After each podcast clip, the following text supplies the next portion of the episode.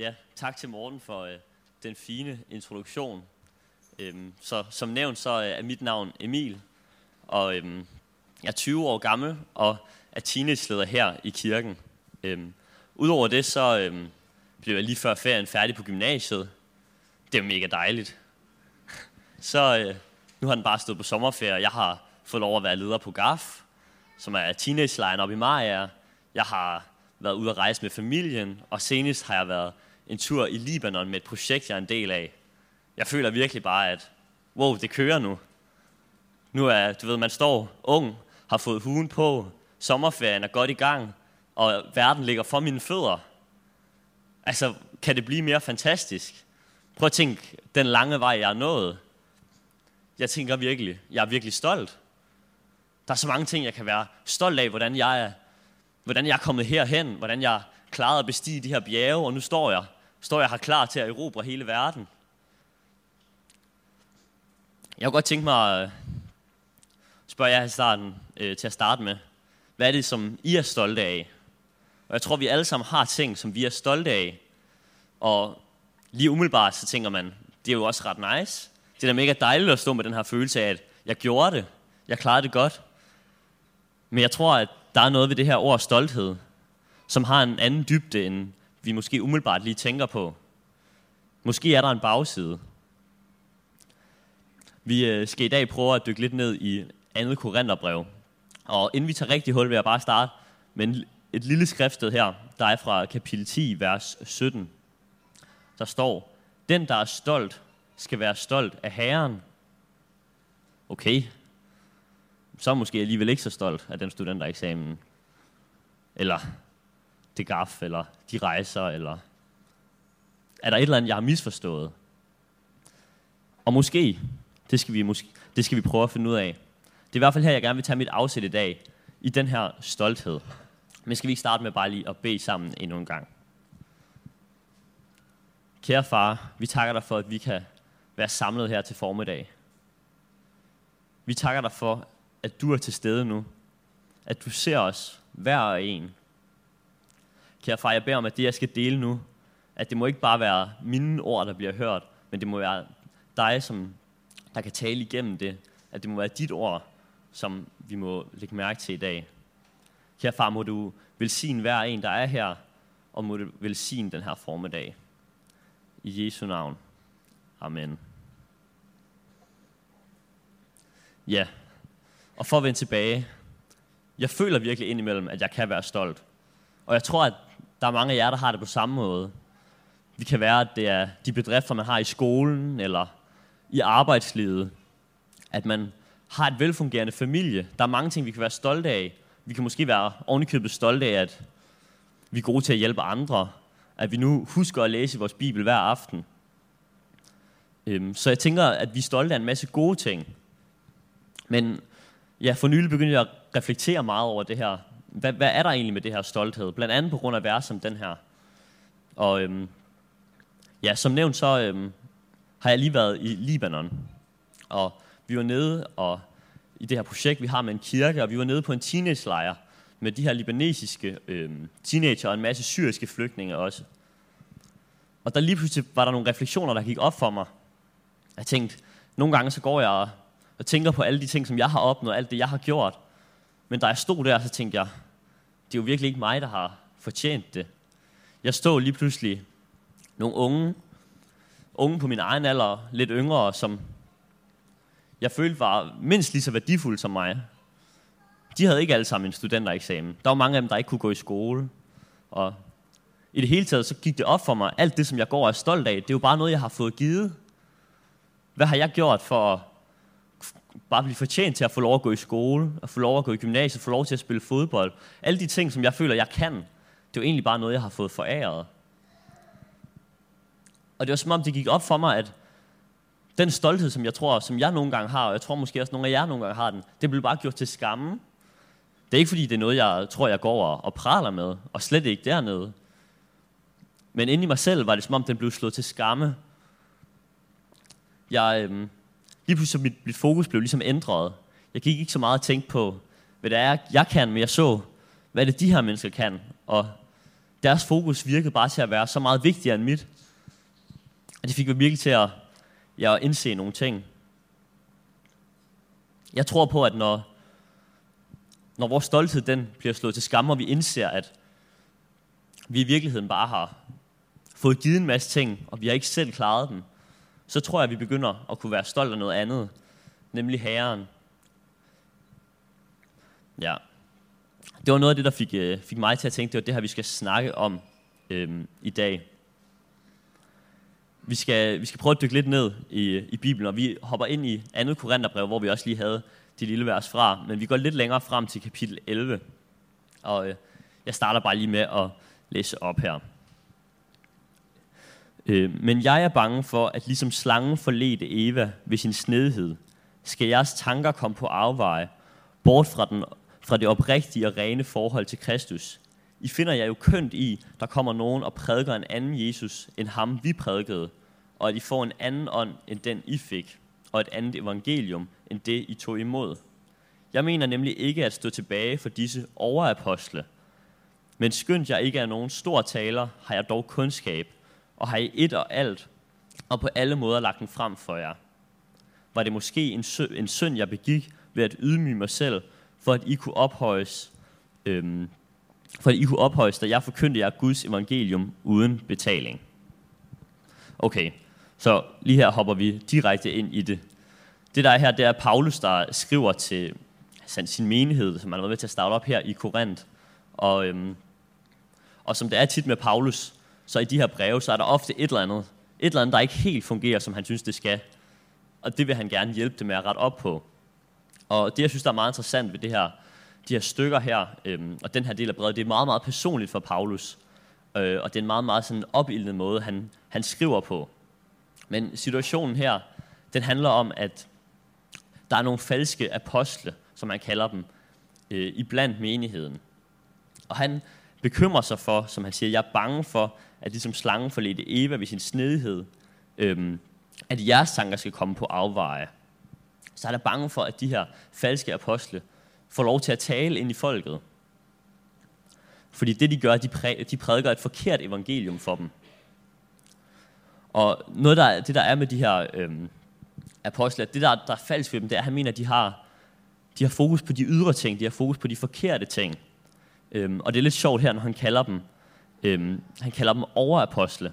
Og hvis man kigger på, på oversættelsen, så vil faktisk mange der mene, at, at superapostle faktisk er et, et mere rigtigt udtryk. Og det er sådan lidt ironisk. Det her øh, superapostle, som kan det hele, de skal fremstå stå så stærke og, og så, ja, så store på en eller anden måde. Og det er også derfor, når der, når der står, at det er en, en synd, at jeg ikke fik betaling for at prædike for jer. Og det er netop fordi, at de tænker, at det er jo svagt. Han kommer bare her og prædiker gratis. Så må det ikke være rigtigt, det han siger. Fordi de er blevet vant til, at der er de her superapostle, som Paulus ironisk kalder dem, som kommer og store og stærke og skal have penge for at være her, og ikke så gerne selv tjener med, men gerne har mange tjenere selv. Og det er jo helt forskroet, mener Paulus. Øhm, og jeg tror, at nogle gange, så kan vi være ligesom de her superapostle, og vi kan være ligesom folket i Korinth. Vi, øh, vi har det forkerte fokus, blandt andet på grund af vores stolthed. Vi fokuserer på det, som vi selv kan, at vi kan løfte os selv op, og at vi kan virke stærke, og vi kan fremstå, som om vi har styr på tingene. Men det er ikke det, som det budskab, som Paulus han kommer med, det er ikke det, det handler om. Det handler ikke om, at vi skal, vi skal fremhæve os selv, at vi skal kunne vise, hvad vi kan, være stærke. Og jeg synes, det er meget interessant, den måde, som Paulus han så prøver at, at overbevise sin menighed om, at I er nødt til at kigge væk, kigge mod det, som vi kommer med til jer. Paulus han ser nemlig, at de her superapostle, de praler meget. De er meget stolte. Lidt som jeg startede det her med. De er virkelig stolte over, hvad de kan, og de, de taler højt om sig selv. Og Paulus han ved ikke rigtigt, hvordan skal jeg få dem til at forstå, at, at de skal kigge mod mig. Det er som om, at hans egen troværdighed som apostel, den var der kommet tvivl på. Men hvordan kan han lige pludselig få sig selv til at, at virke troværdig igen? Hvordan kan han selv blive den rigtige apostel, uden selv at begynde at prale? Og det kan man tydeligt mærke, det er en kamp, som Paulus lidt har med sig selv. Øhm, hvor han siger, jeg bliver, nødt til, jeg bliver nødt til at være stolt nu, jeg bliver nødt til at fortælle, hvad jeg kan. Men det her det er ikke herrens ord, jeg, jeg gør det i et vanvid. Øhm, lad os prøve at læse lidt videre. Men hvad en anden drister sig til, jeg taler i vanvid, det drister jeg mig også til. Altså for at undertrykke det her. De, her, de her superapostle, de siger alt muligt, hvad de kan. Nu er jeg nødt til også at fortælle, hvad det er, jeg kommer med. Selvom jeg ikke har lyst til det. Det, det er vanvittigt, det her. Øhm, han siger, at de hebræere, det er jeg også. At de israelitter, det er jeg også. At de er Abrahams slægt, det er jeg også. Det er jo ikke fordi, at det betyder noget for Paulus. Øh, han mener ikke, det har nogen betydning, hvilken slægt det er, vi kommer fra, øh, for om vi kan være apostel for Jesus. Men han ved, at det er det, de andre lægger, lægger vægt på. Han så bliver nødt til at sige, jamen, jeg passer også ind i det, som, som I åbenbart søger. Og så fortsætter han med spørgsmålet, at de kristi tjenere, jeg taler rent afsindigt, jeg overgår dem. Igen, det er virkelig ikke noget, han har lyst til, men han er nødt til at understrege, at, at jeg er en kristi tjener på en større, større måde, end de er. Og så forklarer han det efterfølgende. Jeg har slidt og slæbt, tit været i fængsel, fået slag i massevis. Jeg har været i livsfar mange gange. Af jøderne har jeg fået har jeg fem gange fået 40 slag minus et. Jeg har fået pisk tre gange, er blevet stenet en gang, har lidt skibbrud tre gange. Jeg har drevet rundt på det åbne hav et helt døgn. Ofte på rejser, i fare på floder, i fare blandt røvere, i fare fra mit eget folk, i fare fra hedningerne, i fare i byer, i fare i ørkner, i fare på havet, i fare blandt falske brødre. Jeg har arbejdet og, og slidt, ofte haft søvnløse nætter, lidt sult og tørst, ofte fastet, drøjet kulde og manglet klæder. Wow. Ikke fordi vi skal dykke ned i hver enkelt ting her, men bare lige for at understrege, hvad det er, som Paulus han går igennem. Men lad os lige vende tilbage til, hvorfor er det, han siger det her? Han stiller spørgsmålet, er de kristi tjenere? Fordi alt det, som Paulus han kobler op med at være en tjener for Jesus, det er alle de her modgangsperioder, at han virkelig er villig til at gå igennem alt mulig lidelse for at, være, for at tjene Kristus. Og det her det har virket helt absurd for folk i Korinth at læse, og særligt for de her super apostle, at nu skal han til at bevise sit værd. Hvorfor fortæller han om øh, alt det, han har været igennem? Er, er Gud ikke med ham? At han skal forfølges, og ja, han skal udsættes for alle de her forfærdelige ting. Han har da virkelig ikke Gud ind på livet. Han er da, han er da bare en stakkel, der er helt forladt. Men sådan ser Paulus det ikke. Han ser, at det er der, at, at tjenergærningen ligger. Og hvis vi fortsætter, hertil kommer det, som dagligt trykker mig. Bekymringen for alle menighederne. Hvem er magtesløs, uden at jeg også er magtesløs? Hvem falder fra, uden at det sviger i mig? Så ikke nok med, at Paulus han siger, jeg har oplevet alt det her. Jeg har fået pisk, jeg har blevet forfulgt, og alt er ligesom ramt Paulus, føler man. Det er virkelig en ekstremt, når man virkelig tænker over, hvad det er, der står her. Og så alligevel vælger han at frem, fremhæve, at men det der virkelig også gør ondt på mig, det er bekymringen for alle mine menigheder. At når folk falder fra, så går det ondt på mig. Så er det ikke nok med sin egen fysiske last. Så ligger der også noget på hans hjerte, at han hele tiden skal bekymre sig for andre. Så det her det er virkelig en, en svag skikkelse, han skildrer sig selv som. Han, han går virkelig bare, øh, går virkelig bare og, og har, har ondt.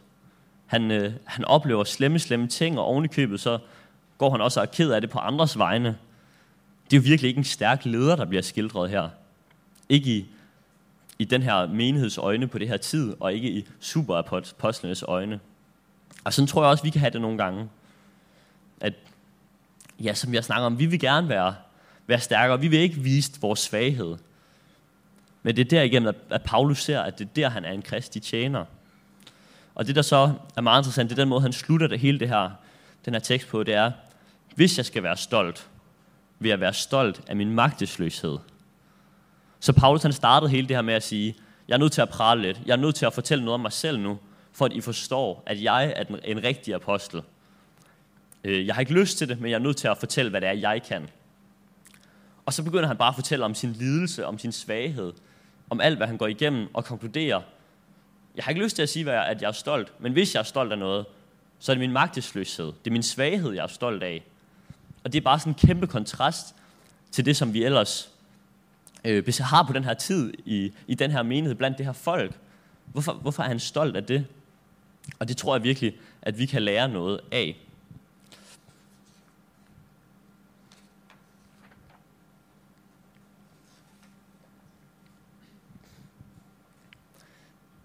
Ja. En anden ting, som de her superapostle, de øh, går rundt og praler med, det er de åbenbaringer, de får fra Herren. De ikke kun, snakker ikke kun om, om de ting, de selv kan, men de snakker også om, hvor store billeder de får fra Gud, alt det, de får lov at opleve. Og det er jo det, der virkelig skal sætte dem i lyset som Guds sande apostle. Og endnu en gang må Paulus komme til konklusionen, så bliver jeg også nødt til det. Jeg bliver også nødt til at fortælle om mine åbenbaringer.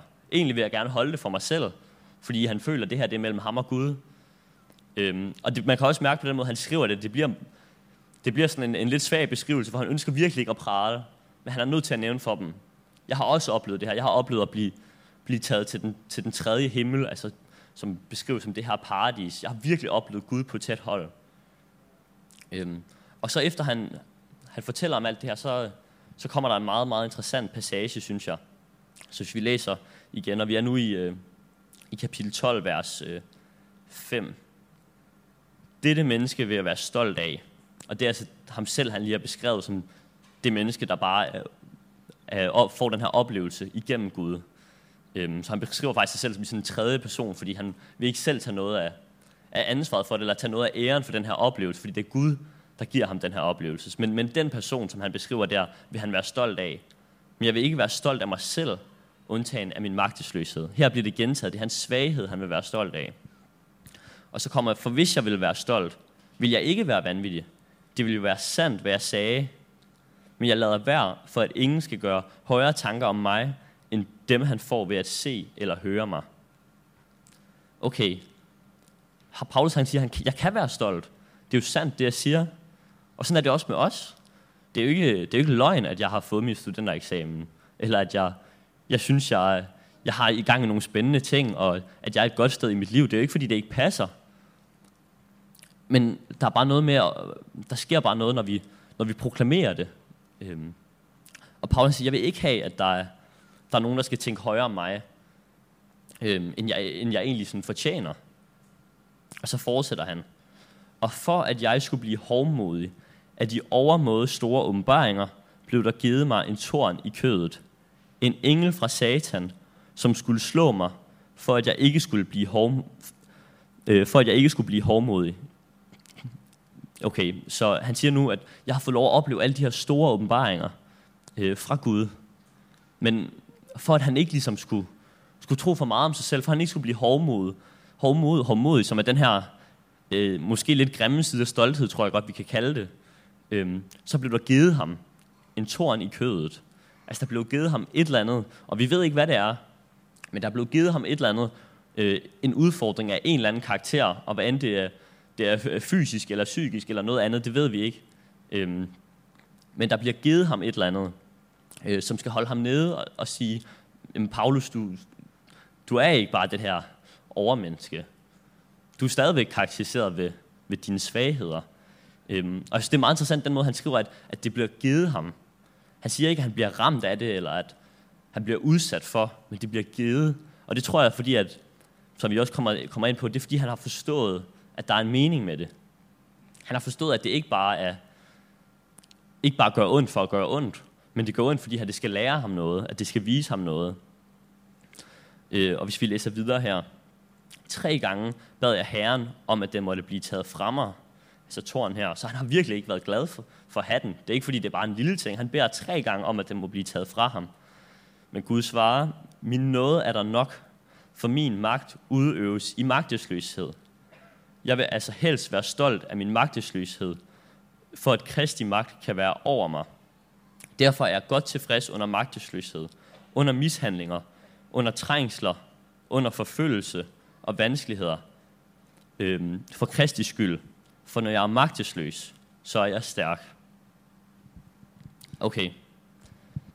Det er som om, der er, der er nogle ting, der, be, der begynder at give mening nu i de udtalelser, han kom tidligere hen. Øhm, men, øh, men lad os lige tage den lidt, lidt slavisk. Okay, så, så Paulus han får givet en tårn, og han, han indser selv, at, at det får lige at holde ham nede. At han beder om at få den væk, men han får at vide, at du skal ikke bekymre dig om den her tårn, Paulus, fordi min nåde er der nok. Jeg har brug for, at du bliver ved med at være magtesløs, at du bliver ved med at være svag, fordi det er der, min magt kommer igennem. Det er det, som han får at vide af Gud. En anden ting, der er interessant med den her øh, tårn, det er, der står, at, øh, Skal lige... Øh, der blev givet mig en torn i kødet, en engel fra Satan. Okay, hvad betyder det? At det er en engel fra Satan, som den her torn repræsenterer. Og øhm, hvis man kigger på, på det græske ord, øhm, som engel kommer af, så er det egentlig det, der betyder øh, et sendebud eller en budbringer. Og øhm, det vil sige, at den her torn, den er, den er så kommet med en eller anden besked, med, med et budskab fra Satan. Øhm, og jeg tror, at, at når vi oplever udfordringer, og vi oplever, at vi får tårne i vores liv, som Paulus gør det, så er det ikke altid, at det er, det er selve tårnen, der er problemet, men det er det budskab, der følger med den. At når vi, øh, vi føler, at vi fejler, det er også fordi, at jeg ikke er god nok. Det er også fordi, jeg ikke er elsket. Jeg ved ikke, hvad, hvad beskeden er, som, som der kommer, når, når du bliver ramt af noget. Og nogle gange kan det også være svært at forstå, hvad beskeden er, når man selv bliver ramt af noget. Men jeg ved, at det kan sætte en hel masse tanker i gang, hver gang vi oplever smerte i vores liv. Hvorfor har vi gjort os fortjent til det? Vi kommer lige pludselig til at tvivle på en hel masse ting. Er Gud stadig med mig? Ligesom som de her superapostle påpeger, at Gud kan ikke være med nogen, der går igennem så meget. Men jeg tror også samtidig på, at der er den her besked fra, fra Satan, der prøver at, at skubbe os ned. Men så tror jeg samtidig, der er en anden besked fra Gud. Og det er den, som Paulus han hører, fordi han beder. Han hører, at du skal ikke, det er ikke fordi, du skal, altså, at du ikke er elsket. Det er ikke fordi, at, at jeg ikke er med dig. Det er fordi, at jeg har brug for, at du er svag, fordi det er der, min magt kommer igennem. Det er slet ikke nødvendigt, at du er stærk, Paulus, fordi jeg er stærk igennem din svaghed. Så jeg tror, vi har en opgave i, at når vi oplever smerten i vores liv, at vi skal lytte til, hvilken besked har Gud igennem det her. Det er ikke fordi, det er, det er forkert at bede om, at man må blive fri for smerten. Det gør Paulus også. Men nogle gange, så tror jeg, at det bedste svar, vi kan få, det er ikke en helbredelse, men det er måske snarere et svar på, hvorfor. Eller i hvert fald et svar på øhm, en vidshed om, at Gud stadigvæk er til stede i det, og rent faktisk kan bruge vores situation. Så der er virkelig et spørgsmål, hvilken besked lytter vi til, når vi oplever det her? Lytter vi til, til satans besked, hvad end det kan være om, at vi ikke er, er værdige, eller lytter vi til det, Gud har at sige? At jeg vil stadigvæk bruge dig, fordi det er nu, at min kraft kan skinne igennem. Og øhm, ja, når, man, når Paulus ligesom fortæller det her, så det er også, det var der, det gik op for mig, at han slutter af med, for når jeg er magtesløs, så er jeg stærk.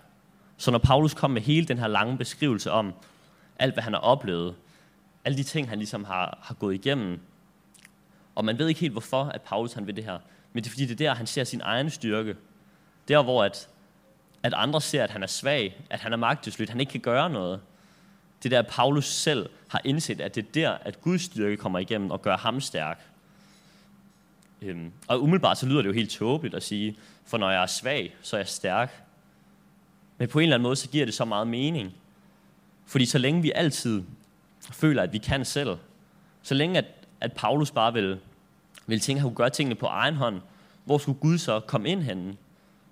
Men i det øjeblik, at det hele ramler sammen, at vi har en tårn, at der er nogle ting, vi ikke ved, hvad vi skal gøre med, det er der, vi, vi kan give plads til, at Gud kan komme til. Så jeg tror virkelig på, at vores svaghed kan gøre os stærk.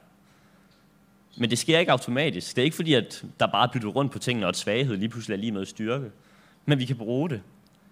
Og jeg tror, der er øh, et valg, som jeg prøver at skille op på den her måde, at, at vi har et valg, når vi, når vi føler, at vi er svage, og når vi indser vores svaghed. Så har vi et valg om at opgive eller overgive. Tag den igen. Vi kan enten opgive eller overgive. Altså vi kan vælge at sige, om nu kan det også være lige meget, når Paulus oplevede at blive sat i fængsel, eller hvad han oplevede. Han kunne sagt, så er det også ligegyldigt.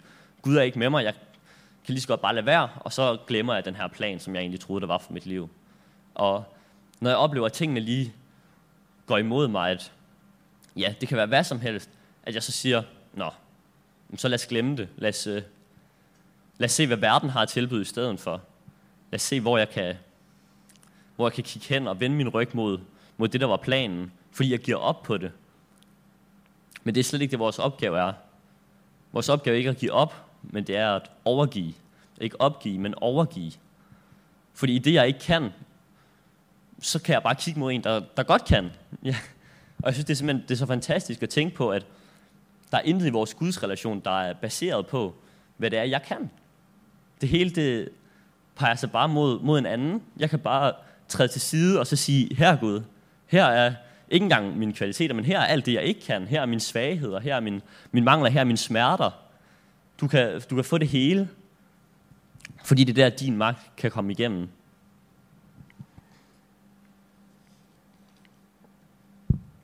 Men øhm, da jeg så har gået og reflekteret over det her, og tænkt, wow, det er min svaghed. Det er den, jeg skal være stolt af, som Paulus siger. Hvis jeg vil være stolt af noget, så er det min magtesløshed, for at vende tilbage til der, hvor vi startede. Så vi, skal ikke være, vi behøver ikke at være, gå og være stolte af alle de ting, vi selv kan. Jeg tror godt, vi må glæde, så vi må godt være taknemmelige. Men det er som om stolthed, den har lidt en grim side af, at det er mig, der har æren. Men i stedet så skal vi bare kigge mod Gud og være og hvad vil det så sige, som vi læste helt i starten, at være stolt af Herren? At når vi vil være stolt, så skal vi være stolt af Herren. Men det vil faktisk sige, at vi også er stolt af vores svaghed. Fordi det er der, at Herren får fokus. Det er der, at, at Gud får, får pladsen til at tage magten. Men det her, det synes jeg, okay, så går man ligesom op for mig. Det er lidt vildt, men samtidig så synes jeg, det er sindssygt svært at forstå. I hvert fald sindssygt svært at udleve. Altså jo, det er nemt nok at stå og sige, du skal bare være, være stolt af det, der er lidt svært. Du skal bare own det. Men hvordan? Eller sådan, det er jo ikke fordi, jeg bare har lyst til at gå ud på gaden og stå og råbe af, af de ting, jeg ikke kan finde ud af. Og stå og råbe, jeg har det virkelig dårligt. det er der ikke nogen, der har lyst til. Så, så hvad er det så? Hvordan gør jeg det her? Jeg har ligesom forstået det, bilder mig selv ind, men, men hvordan gør jeg det? Og jeg tror, øhm, jeg tror, man skal kigge på lidt, noget lidt andet. Og, øhm, og for at, at give et eksempel på det, så vil jeg gerne tage lidt med på, øhm, på min trosrejse, tror jeg godt, jeg vil kalde det. Det var sådan, at jeg har faktisk det meste af mit liv følt, jeg har haft en virkelig stærk tro. Tvivl har aldrig haft særlig meget plads i mit liv, og vi snakker siden jeg var helt lille i, i de små klasser i folkeskolen. Mine venner vidste, at jeg var kristen, og jeg vidste måske ikke altid selv, hvad det betød, men, men jeg var kristen, og, og jeg troede rent faktisk på, at, at Guds ord det var sandt. Jeg troede på, at, at Jesus var død på et kors, og jeg troede faktisk også på, at det var for, at han kunne tage min straf. Men det var som om, der gik virkelig, virkelig lang tid, før at mit fokus fulgte den forståelse. Jeg tror, at øh, jeg forstod de her ting i mit hoved, og, men der var noget i mit liv, der ikke helt afspejlede det. Jeg gik stadigvæk og bekymrede mig alt for meget om, hvordan jeg var. Jeg gik og tænkte på, jeg tænkte på, hvad kan jeg gøre for at blive bedre? Hvordan kan jeg gøre mig og andre stolte? Jeg vil gerne klare det godt i skolen, og jeg vil gerne være på den rigtige måde over for mine venner, og en masse gode ting egentlig. Men motivet var bare, at det var fordi, jeg skulle bevise et eller andet. Og det var som om, der gik virkelig lang tid for mig, før den forståelse, jeg havde i hovedet af, at, at Jesus var død for mig, der gik lang tid før, den plantede sig i mit hjerte. Og jeg tror lidt, det er det samme med det her. At vi har brug for at forstå, at, at vi, er, vi er så svage, vi er, vi er så utilstrækkelige, at Gud var nødt til at dø for os. Men vi var også så elskede, at han valgte at gøre det. Og jeg tror, det er der, at man kan begynde at forstå svaghedens effekt. Det er, at jamen, jeg kan jo ikke selv. Så jeg kan lige så godt bare være stolt af det, jeg ikke kan. Og være stolt af det, som Gud kan gennem det. Og jeg tror, det er den forståelse, som, som vi alle sammen skal arbejde med. Jeg synes det stadigvæk, det er mega svært. Men jeg tror, det er der, at forvandlingen sker, at når vi, når vi får forståelsen ind i hjertet, at wow, Gud elsker mig virkelig. Gud elsker mig virkelig så meget, at han valgte at dø for mig. Så er det klart, at jeg ikke skal leve op til noget. Fordi hvis han holder så meget af mig, så må han da kunne bruge det hele, selv bare min svaghed. Ja, faktisk det er der, han kan bruge mig. Og jeg tror ikke, det er en forståelse, som man bare får fra den ene dag til den anden. Jeg tror faktisk, det er en livslang proces. Det føler jeg i hvert fald for mig selv. Men jeg tror også, det er noget, vi hele tiden skal arbejde med at forstå mere og mere, at jeg behøver ikke gøre noget. Jeg kan bare lægge det hele væk. Være stolt af min svaghed, og så sige, Gud, tag over. Jeg giver ikke op, men jeg overgiver. Det tror jeg virkelig er noget, vi dag efter dag skal prøve bare at opnå mere og mere, fordi jeg tror, der er sådan en stor frihed i det. Prøv at tænke, hvilken frihed der er i, at vi ikke skal gøre noget, fordi det er gjort. Vi skal bare ja, se til side og se på ham, som kan. Det synes jeg virkelig er, er fantastisk, men også utrolig udfordrende.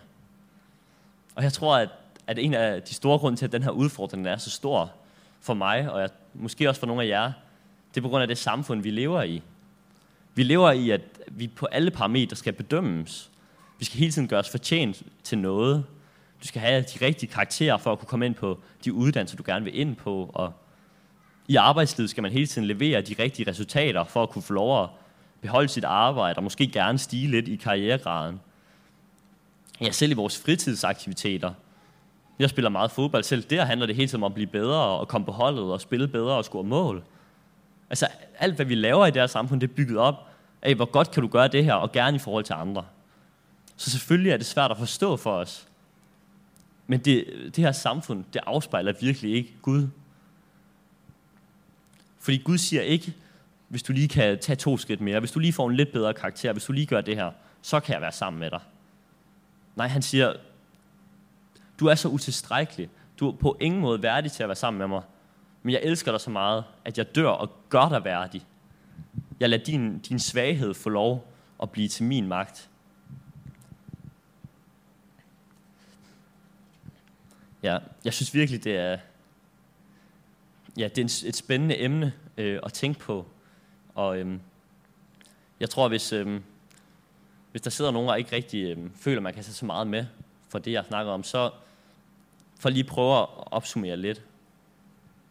Så tror jeg, at den ene ting, som vi bare skal huske, vi skal blive mindet om her til formiddag, det er, at vi er virkelig svage. Vi har alle sammen nogle tårne i vores kød. Men det er ikke et problem. Tværtimod. Lad os være stolte af det. Lad os være stolte af det, vi ikke kan. Og så give Gud magten. For når jeg er svag, så er jeg stærk. Totalt kompleks, komplekst, men alligevel så giver det på en eller anden måde mening. Lovsang, I må gerne øh, begynde at gøre klar. Kære far, vi takker dig for, at vi ikke skal bevise noget for dig. Vi takker dig for, at uanset hvad vi kan præstere eller ikke kan præstere, så har det ingen betydning, far. Tak, at du bare elsker os så højt, at det eneste, vi behøver, det er bare at overgive os. Tak, at vi bare kan indse vores svaghed, og at du vil bruge den. Far, må du hjælpe os til hver dag at forstå en lille smule mere af, hvor meget du elsker os. At du elsker os så meget, at vi ikke behøver at bekymre os om, ikke behøver at bekymre os om, hvad vi kan præstere, hvad andre tænker om os, hvad vi kan opnå. Men vi bare kan hvile i vores svaghed og være stolte af den. Må du hjælpe os til også bare at overgive det til dig, at vi bruger vores svaghed på at blive stærke, fordi vi giver dig magten, far. For jeg beder om, at du bare må åbne vores hjerter for dig. Hver dag. Vi beder i Jesu navn, far. Amen. Fedt. Så vil jeg egentlig bare slutte af med et, et meget simpelt budskab. Skal vi ikke prøve at være stolte af vores svaghed? Og så på baggrund af det, har vi et valg. Vil vi opgive, eller vil vi overgive? Og jeg synes, vi skal overgive, fordi det er der, vi bliver stærke. Tak skal I have.